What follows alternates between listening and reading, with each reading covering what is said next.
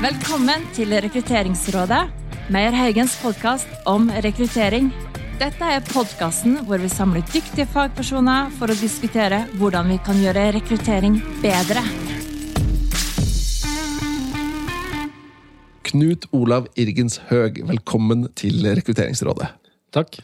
Du, vi har møttes her i dag fordi vi skal snakke om eh, kanskje altså, Jeg vil nesten si litt sånn ekstremsport innenfor rekruttering. Det du, det, for du jobber altså i, i, Norwegian. Ja. Og der jobber du med, med teknologi og, og, business support. Altså Tittelen din er EVP for IT and Business eh, Support, eller Business Services. Det er riktig. Riktig. Fortell veldig kort. Hva er jobben din da, Knut Olav? Min jobb er kort fortalt at jeg er ansvarlig for alt som har med IT å gjøre i Norwegian. Jeg er også ansvarlig for alt innkjøp. Eh, vi har et eget Lean-program vi holder på å sette opp, eh, og som etablerer og som går, går, veldig bra. Eh, jeg har ansvar for Analytics, og jeg har prosjektkontoret hos meg. Ja. Så ganske bred portefølje. Mye av det som skjer på baksiden av butikken i Norwegian. Ikke sant. Og så har vi vært så heldige å få deg med nå inn til Rekrutteringsrådet, fordi du jobber jo som leder og så vet vi det at uh, rekruttering det er en veldig viktig del av ledelse. Uh, men for mange vis så har du nå fått lov til å stå i det som kan kalles litt sånn ekstremsport på rekrutteringssiden. Fordi du jobber med rekruttering til IT, IT-domenet, som er ekstremt vanskelig. Og så har, har, du vært gjennom en pandemi i et flyselskap som gjør det hele kanskje enda, enda verre, da, vil jeg tro. Ja, Vi har jo vært gjennom en ganske krevende setting i Norwegian. Eh, hadde vi stått her for et år siden, så hadde jeg akkurat vært med å levere inn en eh, begjæring om konkursbeskyttelse i både Norge og Irland. Eh, ja. Og vi hadde da dessverre veldig mange leverandører og andre til oss som har tapt voldsomt med penger gjennom den rekonstruksjonen vi var med i. Det var en ekstremsport, det er det ingen tvil om. Vi har heldigvis kommet veldig styrket og godt ut av det. Vi fikk hentet ganske mange milliarder med kapital her i våres, og er jo nå et bunnsolid selskap. Og det er vi jo veldig glad for, for da har vi virkelig veien videre foran oss. Ikke sant? Og så har vi vært så heldige da, at vi har fått lov til å snike oss til å snakke med noen, eh, noen av de som jobber sammen med deg, som du er leder for. sånn at, sånn at vi kan få noe input på hvordan, hvordan du er som leder. Uh, og det er litt interessant. Så Temaet for dagens prat det er altså at vi skal snakke litt om hvordan opplever du at det har vært å rekruttere i et veldig krevende situasjon. Og så har vi lyst til å se litt på da, hvordan har dine kollegaer oppfattet deg som leder inn i dette, og reflektere litt over dette, fordi som leder så bør man jo ha et perspektiv på rekruttering. Og til slutt så har vi lyst til å se litt framover. Hva tror du om rekruttering framover, og perspektivet på hvordan markedet og verden kommer til å utvikle seg? Høres det ålreit ut? Dette høres veldig bra ut, og det høres også litt skummelt ut, siden jeg jo ikke vet hva disse medarbeiderne mine har fortalt dere. Nei, ja, det, det, er litt sporty av deg å stille opp, så det blir spennende å se hva de, hva de sier. Uh, men aller først kan ikke du si litt sånn uh, Den reisen som Norwegian har vært på nå, da. Uh, dra oss litt sånn kort gjennom 12. mars 2020, så smalt det i Norge. Var det da det smalt hos dere òg, eller begynte det før eller etter? Ja, 12. mars da smalt det for fullt. Da rant det over på kundesenteret hos oss. og Akkurat da hadde jeg faktisk en periode også ansvar for kundesenteret. Og vi satt egentlig dag og natt og jobbet. Med teamet jeg hadde ansvar for på kundesenteret, satt vi faktisk hadde call to ganger i døgnet bare for å få en oppdatering. Vi møttes i konsernledelsen minst en gang i døgnet. Kontinuerlig jobbet med hva gjorde vi, hvordan håndterte de, hvordan sørget vi for at kundene fikk den best mulige opplevelsen, samtidig som vi skulle sikre at selskapet overlevde. Ja. Så kom vi litt senere ut på våren, og da stiller jo den norske staten opp med, med midler for å støtte oss. Eh, riktignok lån. Eh, vi har ikke fått noe penger fra den norske stat, og med ekstremt tøffe krav. Eh, så det gir oss en ny runde hvor vi jobber på alt vi kan for å få avtale med leasingselskaper osv.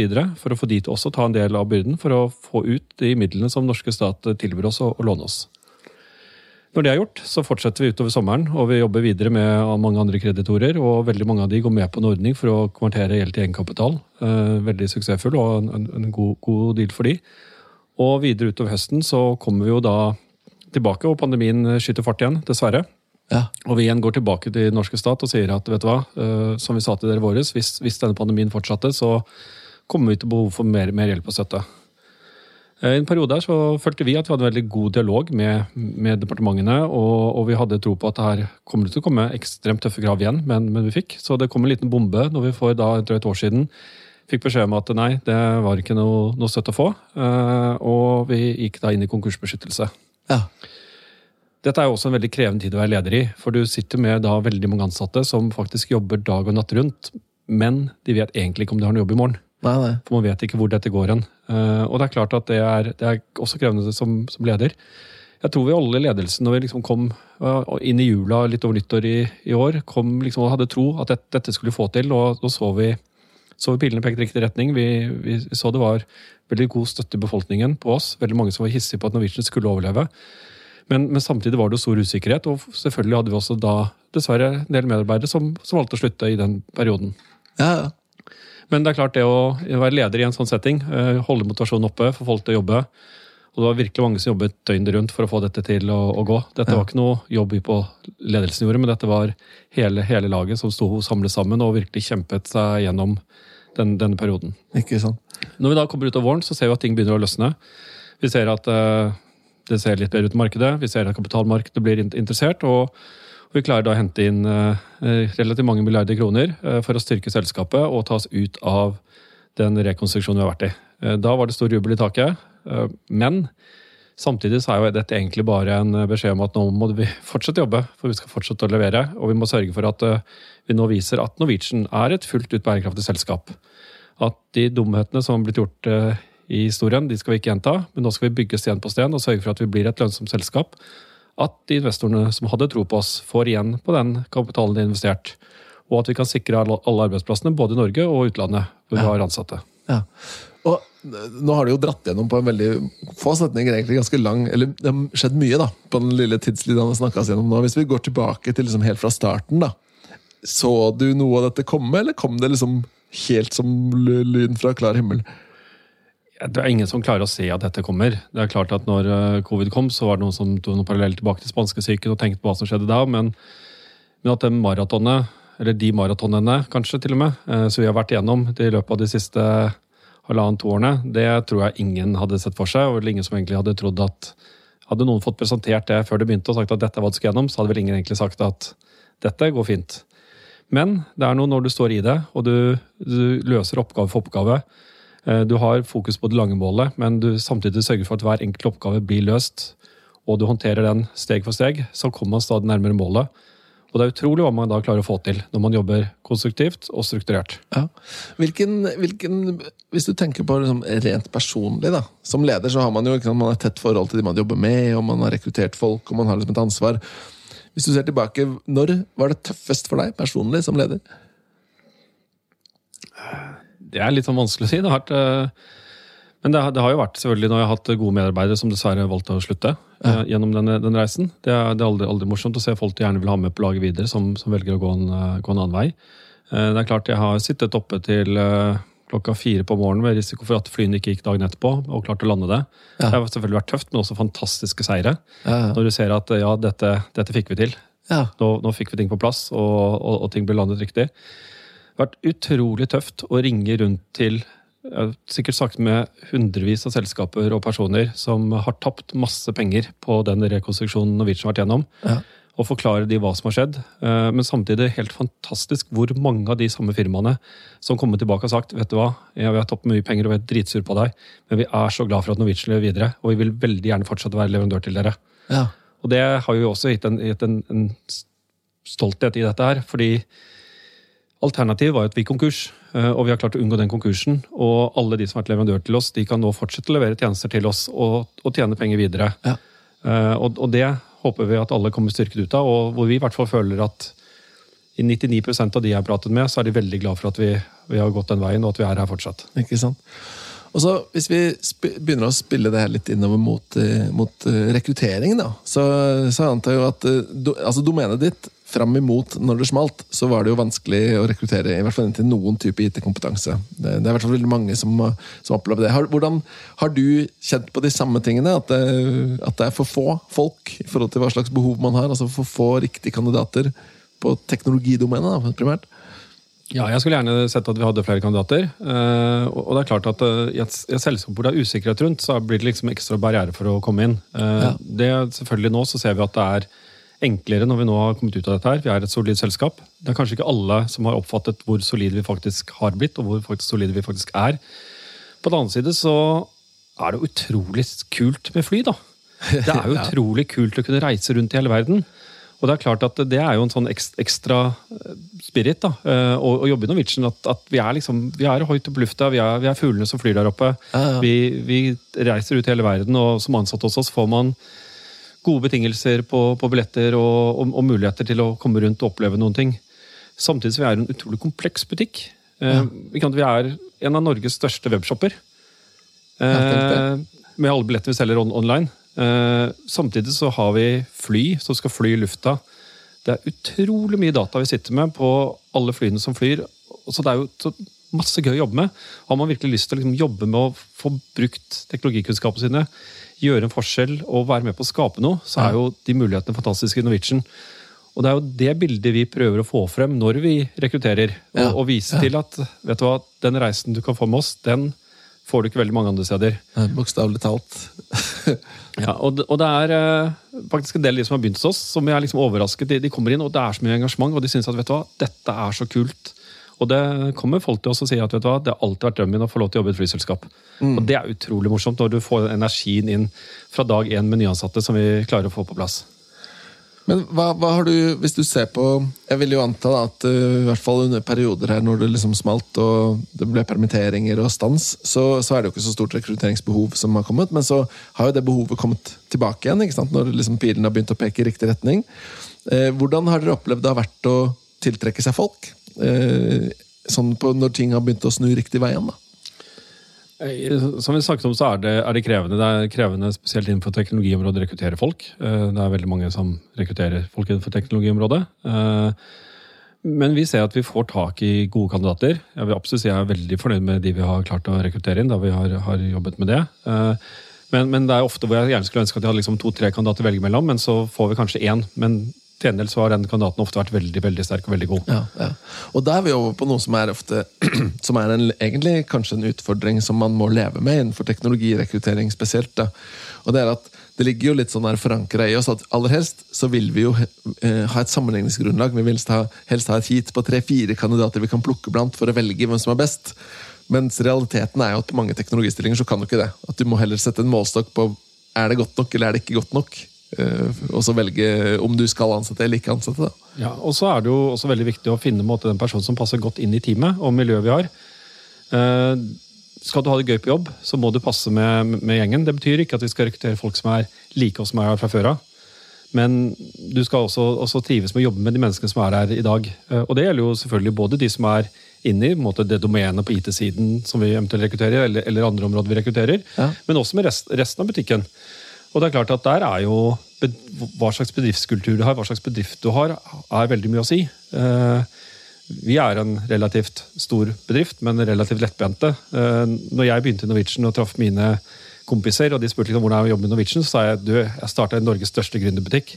Ja. Eh, For det var litt stemningen. Så har vi jo jobbet de siste årene med å strukturere det litt mer. Så er det kanskje litt mer strukturert, men i forhold til når jeg selv for mange år siden var konsulent og kom inn i de, de store, tunge norske selskapene, mm. så er vi ekstremt lettbente. Og det betyr at eh, skal du jobbe hos oss, så er jo det viktig også. Eh, Å passe med den kulturen og den måten du jobber på. Så, så det er også en bit av helheten. Så du har en realkompetanse, men også en, både en sosial kompetanse. Og sosial kompetanse er ikke nødvendigvis rett eller feil, men den skal passe med den profilen vi har som selskap. Ja, ja. Eh, Hvis vi penser dette litt sånn inn mot mellom, si, koblingen da, mellom ledelse og rekruttering. Uh, har du, har du eh, en lederfilosofi? Har du liksom sånn at du tenker at dette er mitt styre, mitt kompasset mitt på ledelse? Eller går du by intuition? Nei, både ja og nei. Eh, Det som er viktig, er at hver enkelt medarbeider er unik og spesiell. Og det er ikke én måte man kan lede alle medarbeiderne sine på. Du er nødt til å tilpasse lederstilen din til hver enkelt medarbeider. Hvis man ikke gjør det, så, så klarer du ikke å være en god leder for medarbeiderne. Så, så Sånn sett så er det liksom ikke én måte som, som er liksom den, den riktige måten å lede på for meg. eller noe. Det, det må jeg tilpasse i hver enkelt situasjon. Og så må vi klare å, sammen med medarbeideren, klare å finne hvordan vi spiller dette godt sammen. For, for vi skal være et team, eh, og vi skal spille sammen. Og det er ikke en sjef og en ansatt. Det er, det er oss som team som skal klare å få løst oppgavene og jobbe sammen med det. Ja. Og det går liksom på hvor er man i karrieren, hvilke utviklingsbehov har man, eh, hvordan er ambisjonene, hvordan er familiesituasjonen. Det er, det er mange ting som spiller inn her, det må vi klare, klare å ta vare på. Og Og det er liksom not one size fits all i det hele tatt på det. På en annen side så er jeg veldig Jeg er vel kjent for å være litt framoverlent, kanskje. Eh, sørge for at vi, vi, får ting til å skje. Eh, og det går på en balanse med at vi skal liksom, litt sånn zoome, zoome, ut og zoome inn igjen. Vi skal ja. klare å gå ut, vi skal klare å se det store bildet. Eh, og så skal vi klare å komme ned, og så må vi klare å levere på de oppgavene. Eh, og så kan vi kanskje presse oss litt hardere enn det vi kanskje er komfortable med. Ja. Og så klarer vi stort sett å, å, å levere. Og spesielt ikke når vi snakker på innenfor IT-området, så er det klart at det er jo en kjensgjerning at veldig mange IT-prosjekter går over på både kost og tid, og det er jo ikke greit. Uh, og jeg har hatt en del settinger hvor jeg starter med en prosjektleder, så jeg har spurt hva kommer du til å gjøre hvis du ser at dette prosjektet går utover på tid. Og får ofte svar ja, da begynner vi liksom med to ganger standup i uken, eller uke, daglig standup, eller et, et sånt for å sitte tett på prosjektet. Og da blir jo spørsmålet mitt kan vi ikke bare gjøre det med én gang, så vi ikke går over på tid. Ja, ja. uh, og, det tror jeg er viktig, at man liksom klarer å være på, at man klarer å følge opp. Og så er det viktig at man er tilgjengelig for, for, medarbeiderne, for prosjektene. Så de kan tørre å snakke med deg, de kan tørre å eskalere. Det skal ikke være farlig å eskalere. Det at man løfter en sak til, til ledelse, betyr ikke at man har feilet. Det betyr at man søker støtte for å komme videre. Ja. Og det er kanskje det viktigste vi som ledere gjør, er å støtte medarbeiderne våre. Ikke sant? Og nå er, jeg, jeg, jeg, står her og smiler litt, fordi som vi nevnte innledningsvis, har vi snakket med noen av dine, dine, folk. da, Og så er det litt morsomt, for det er noen av de tingene du nevner og på nå, som toucher litt inn på de tingene jeg har lyst til å snakke om fra det etterpå.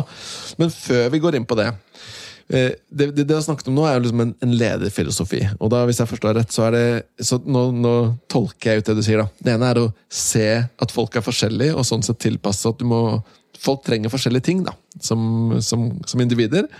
Og så snakker du litt om det med å tørre å sette litt sånn ambisjon.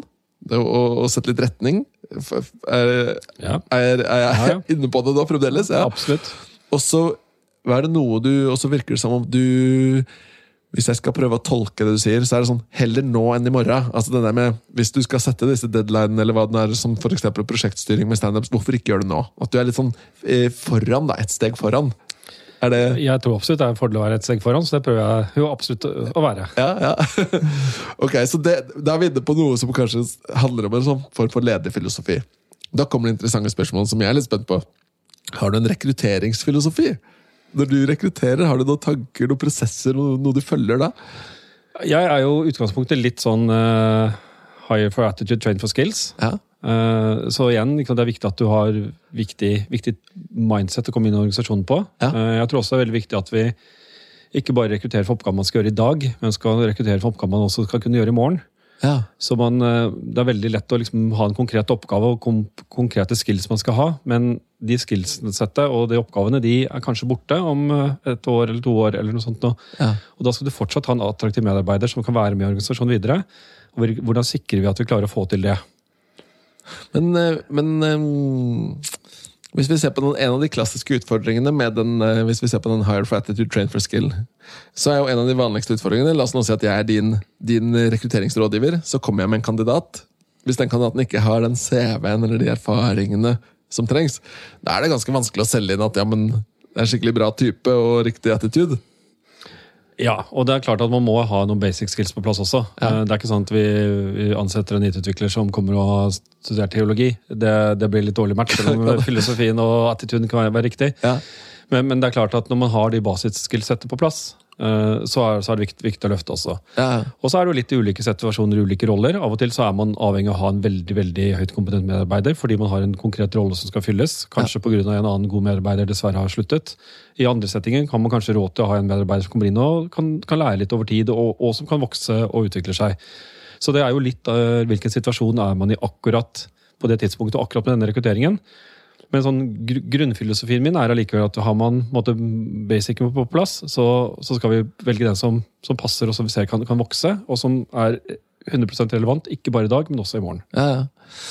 Um, hvor, stort, uh, hvor, stort, team er det du er leder for uh, til sammen? Knut Olav?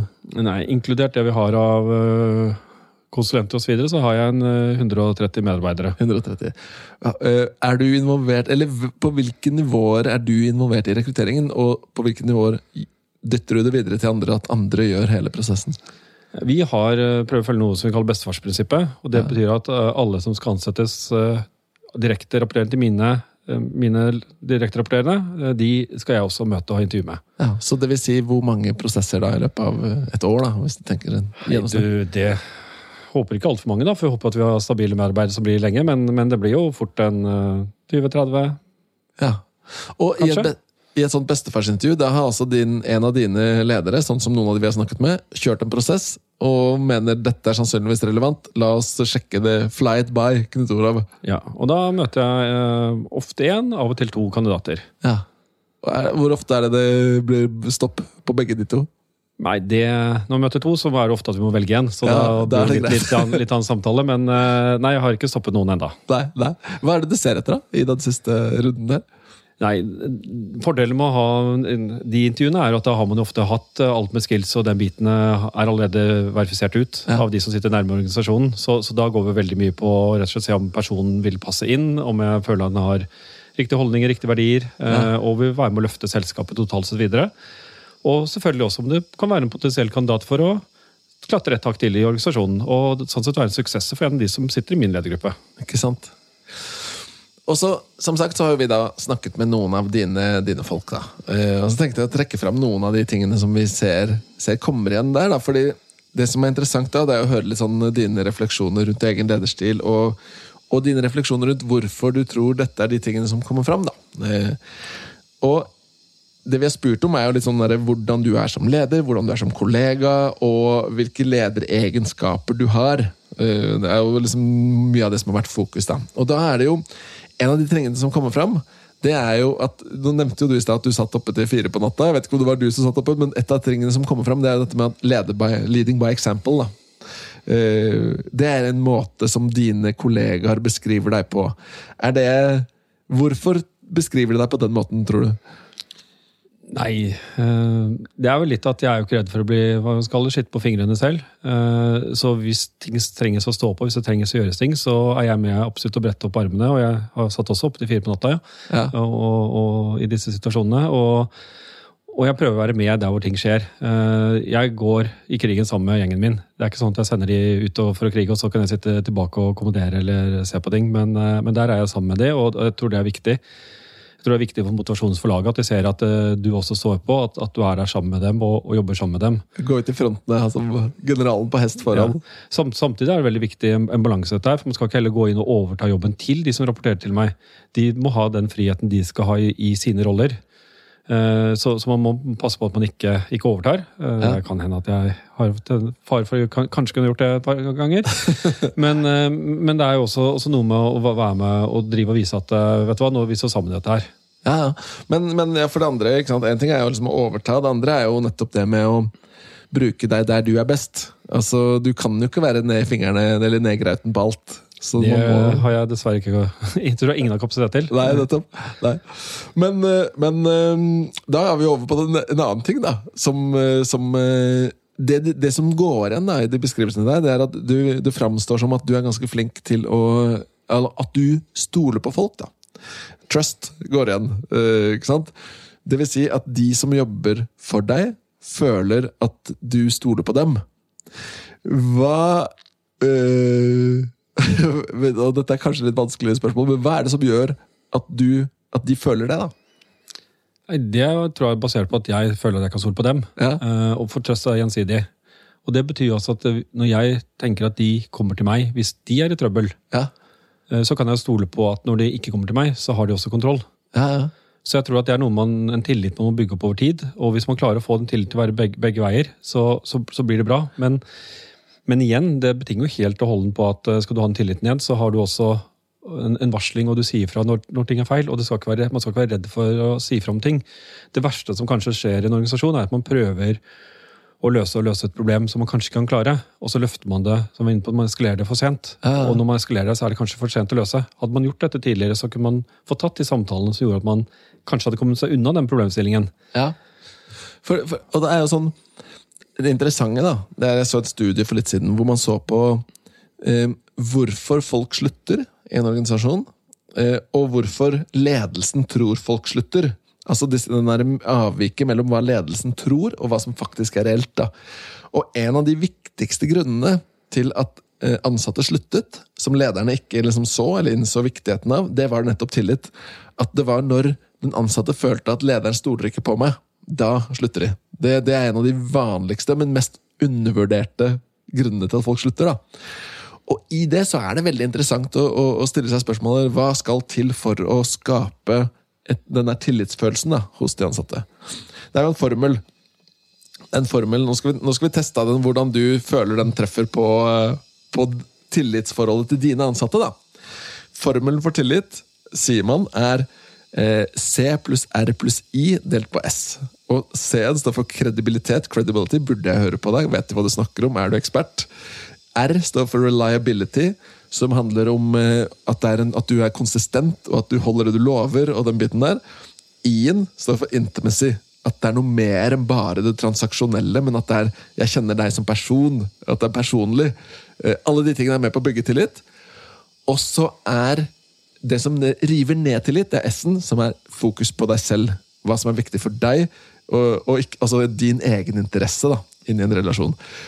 Hvordan er det, er det, noen av disse tingene her, eller stemmer dette overens, tror du, med din relasjon til dine ansatte? Det håper jeg jo. Ja. Har du et personlig forhold? liksom? Vet du, Snakker du om ting som ikke handler om jobb? Er du veldig personlig med folk, eller er du transaksjonell? Igjen så er folk veldig forskjellige. Ja. Eh, noen mennesker eh, absolutt. Andre er mer eh, personlige og har ikke ønske om å prate om de tingene, og da respekterer jeg det også. Eh, jeg prater veldig gjerne om det, og jeg ja. forteller veldig gjerne om, om, meg selv og hva som skjer i, i mitt liv. Uh, og, og, deler det gjerne, så, så, folk, og jeg tror det er en del av måten å skape tillit på også, at man, man blir kjent med en hele personen. Og det er vel kanskje det som også kommer inn i den siste, ja, ja. siste biten her også. At det er, det er, det er viktig å, å ha liksom en totalbilde på personen, at noen du kan stole på. Og Det tror jeg også er viktig i en rekrutteringsprosess. Så Jeg sier jo alltid når jeg har intervjuer til de jeg har på intervju, at uh, vi sjekker selvfølgelig alltid referanse på de vi ansetter, men jeg syns jo at den som faktisk søker en jobb, også skal sjekke referanse på meg og de ja. lederne. Ja. Fordi man velger en medarbeider, men man velger også en leder. Og det tror jeg er utrolig viktig i en rekrutteringsprosess, at man som potensiell kandidat da, er bevisst på det også, og sørger for at man får, får, vel, får ledere som man liker.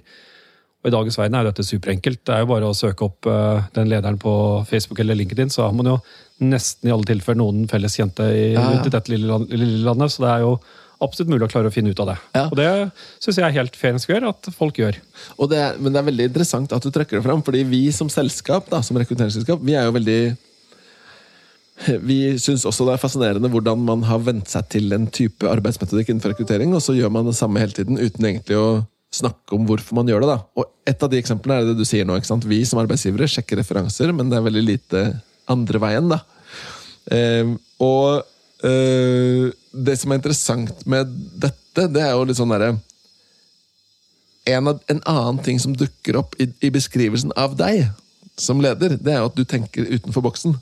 At du tenker annerledes, og at du også utfordrer dine ansatte til å, til å tenke liksom nytt. da. Eh, er det noe du har med deg naturlig, eller er det bevisst som en del av din ledergjerning, eller er det bare tilfeldig? ja vel, det, det finner med meg naturlig, men uh, man bruker det bevisst også. Det er litt sånn, Når vi får med en ny problemstilling, så, så zoomer vi litt ut. Og så må vi prøve å se den fra, fra litt andre synsvinkler, og prøve å reflektere over litt ting. Samtidig så skal vi ikke bruke all verdens med tid på det. Vi må liksom inn og levere oppgaven. Ja. Som vi har vært innom her tidligere også. Ja. Eh, så, så man, man, må liksom ta seg råd til å, å zoome litt ut og, og, og, se på alternativene og se på mulighetene. Eh, men så må man også komme raskt tilbake og så må man begynne å levere. Fordi man kan fort sitte og henge og diskutere alle mulige alternativer og filosofier og muligheter i det vide og brede, men det eneste som ender med, er at du får enda dårligere tid på å levere det du egentlig skal levere. Ja. Så, så, det er en balansegang mellom uh, hvor, hvor, bredt man ser det, og hvor man kjører videre. Men det å tørre å utfordre, tørre å utfordre sannhetene og tenke på at uh, kanskje kan dette løses annerledes, det, det, tror jeg er alltid viktig. Ja. Er det også noe du leter etter når du vurderer folk? Inntil dine, altså når du rekrutterer selv? Uh, igjen så tror jeg det er sunt med en organisasjon som er en blanding av, uh, av mange ting. Hvis, hvis, alle alltid skal springe rundt og være filosofer og se på muligheter, så, så tror jeg det måtte dreper en organisasjon. Hvis, hvis, alle bare skal gjøre oppgaver, så blir det feil også. Så jeg tror vi må igjen sørge for at de får en miks. Uh, og igjen så har vi medarbeidere ulike. Uh, Noen er komfortable med å være med på sånn reise, andre syns det er veldig godt å forholde seg til veldig konkrete oppgaver. Eh, noen syns det er gøy å sitte og snakke utover kvelden og filosofere. Andre vil hjem klokka fire, for da passer det med familie og treninger til barn eller Ja. hun som skal luftes. Eh, Så, så igjen så er det en blanding, og jeg tror at vi som organisasjon vi har godt av å ha, ha den miksen. Det er ikke noe at jeg skal rekruttere folk som er like meg. Jeg skal rekruttere folk som er gode i den settingen, i den sosiale settingen på jobben. eh, På de arbeidsoppgavene. eh, Og så skal vi få en miks. Det, det er mye av det du snakker om nå, da, som, som eh, tyder på at du er fan av mangfold.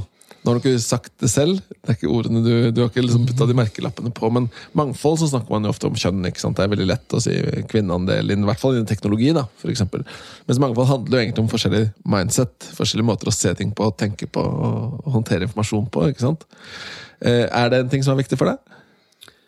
Ja, men jeg tror litt sånn ubevisst. Ja. Fordi jeg har jo min oppvekst og med en arbeidende mor og alt det der, som ikke var relativt vanlig, men ikke helt opplagt på, på 70-tallet og 80-tallet.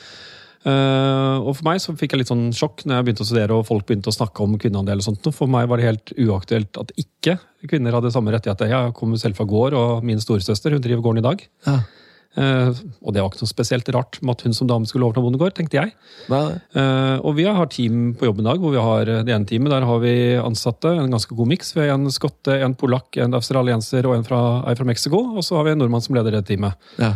Eh, og det skaper masse morsom dynamikk eh, å sitte med, med den gjengen der og, og se på hvordan de ut, videreutvikler og lager lean i Norwegian. Ja, ja, ja. Eh, og så er, det jo, så er det jo interessant da, hvis vi tar noen av de siste, siste tingene jeg har lyst til å trekke fram, da, som, som dukker opp når vi har snakket med de du jobber med. Um, og det er, det er uh, dette med å sette en retning og skape en visjon. Ikke sant? Grunnen til at det er spesifikt interessant, det er at det, det går fram som at de du jobber med, de fremstiller deg som dyktig på det. Ikke sant?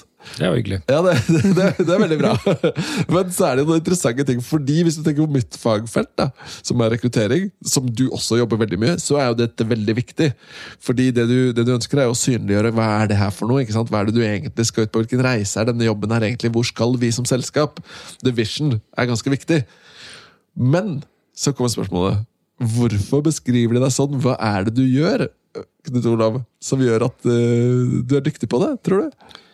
Jeg, uh, jeg tror ikke jeg gjør noe som veldig, veldig bevisst i mitt hode for det, men jeg tror at det vi er veldig ofte opptatt av, er jo ikke bare å se ett skritt fram, men tenke på hvordan vil dette henge sammen i det lengre løpet. Ja. Hvordan vil det henge sammen i totalbildet?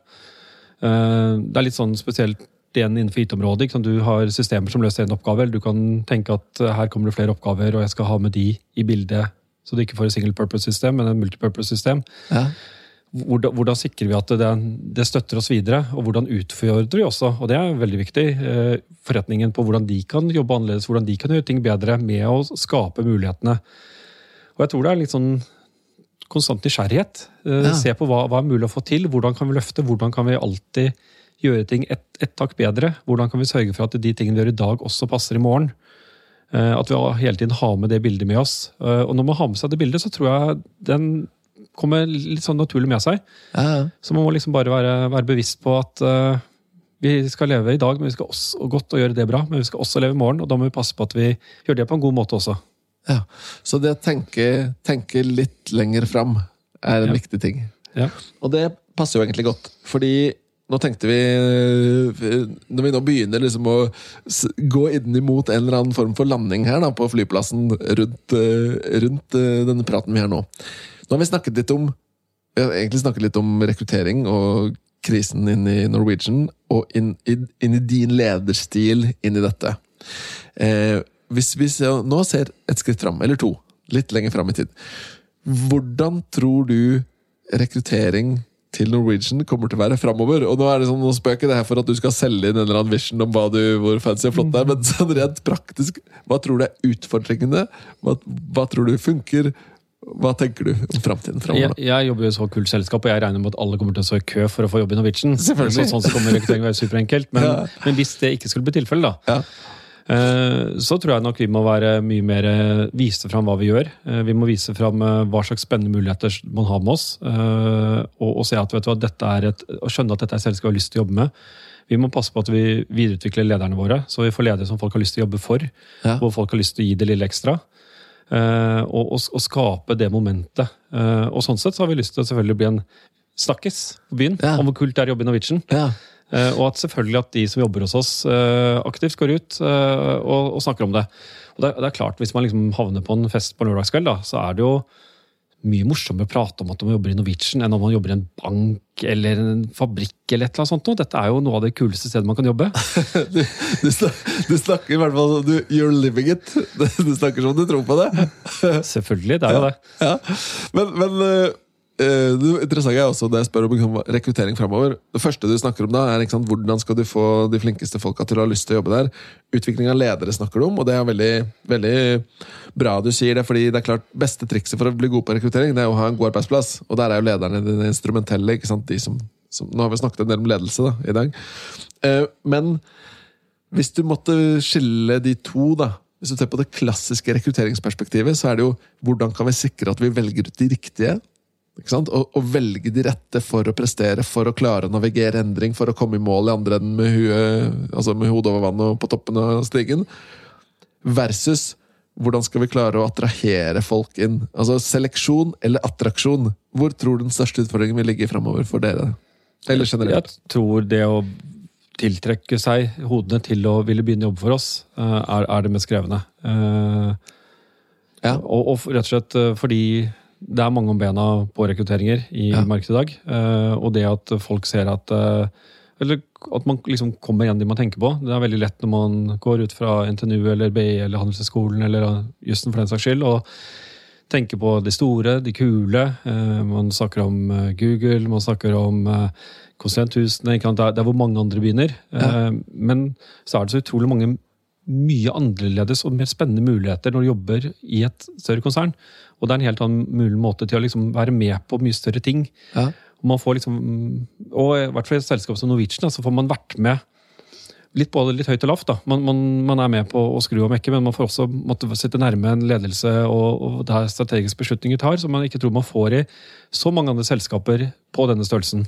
Ja. Og det tror jeg er liksom noe av det, det clouet med å jobbe der, da, og hvorfor man ser at også at uh, veldig mange trives veldig godt, er at man, man er med, og man har også nærhet til ledelsen. Og det er jo, som jeg alltid sier til alle mine medarbeidere, uansett hvor i systemet det er, så hvis du tar kontakt med meg, så jeg, har du alltid førsteprioritert. Jeg skal alltid ringe deg tilbake i løpet av dagen. Det er ikke alltid jeg er tilgjengelig der og da, men du skal aldri være i tvil om at jeg er der. Du skal kunne spørre meg, og jeg skal kunne være der, jeg skal backe deg og sørge for at vi, vi gjør ting rett og bra.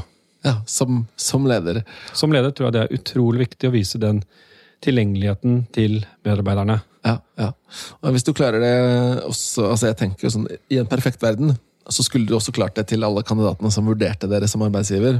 Og så kommer utfordringen at det kan jo være vanskelig å få til i praksis. Da, for det, er noe med tiden det tar. Det, det er det, men det må vi også prøve å få til. Ja, ja. Um, siste spørsmål eh, til deg. Hvis vi ser på det behovet du har hatt det siste året på rekruttering, det behovet du har nå på rekruttering, og så ser vi rundt svingen. Hva slags type kompetanse tror du du kommer til å trenge i morgen, som ikke du helt har trengt fram til nå? Nei, eh, vi har bygd opp et Lean-team eh, som har gjort en kjempespennende reise. Og vi virkelig liksom jobber med hele kulturen hele selskapet rundt Lean. Og det er klart at dette er noe vi skal bygge videre på. Eh, Vi har et IT-organisasjon, så det er klart at der vet man jo egentlig aldri helt hva som kommer rundt svingen. Men det er klart at vi går jo i en verden med mer cloud, eh, mer integrasjoner, mer, mer setup. Men også det å skjønne forretningskunnskapen og klare å få den inn i IT-systemene. Og velge IT-systemene basert på forretningsbehovene. Mm. Men også evnen til å være med å endre forretningsprosessene for å få det til å bli effektive med, med IT-systemene. Og det er klart, Hvis du tar det i kombinasjon med Lean, eh, så er det noen utrolig spennende muligheter som, som dukker opp til å gjøre organisasjonen enda bedre, enda mer effektivt, og digitalisere enda flere oppgaver. Ja. Eh, vet vi helt hva slags personer det er? Nei. Eh, men får vi sultne personer som har lyst til å lære, og som har lyst til å, å jobbe i, denne settingen med både Modelin og IT, og, og for så vidt innkjøp og prosjekter som jeg har ansvaret for, så, så tror jeg vi får noe veldig spennende. Og så har vi selvfølgelig analysebiten. Eh, vi sitter med utrolig mye data. Og det er klart at eh, den dataen den kan brukes til mye ting. Klarer vi å bruke værdata til å se på hvor fornøyde kundene våre skal være når de er ute og flyr med oss? Ja. Eh, Kan vi endre Kan vi Gjøre at vi får et annet vedlikeholdssyklus på motorene våre som gjør at vi sparer penger, og fortsatt er 200% trygt, som alt er i denne bransjen. Ja, ja. Eh, veldig mange spennende muligheter. eh, og det er klart at disse må vi klare å ta vare på, og så må vi klare å vokse inn i de. Og så må vi klare å ta vare på de mulighetene som kommer når teknologien fortsatt utvikler seg. ja.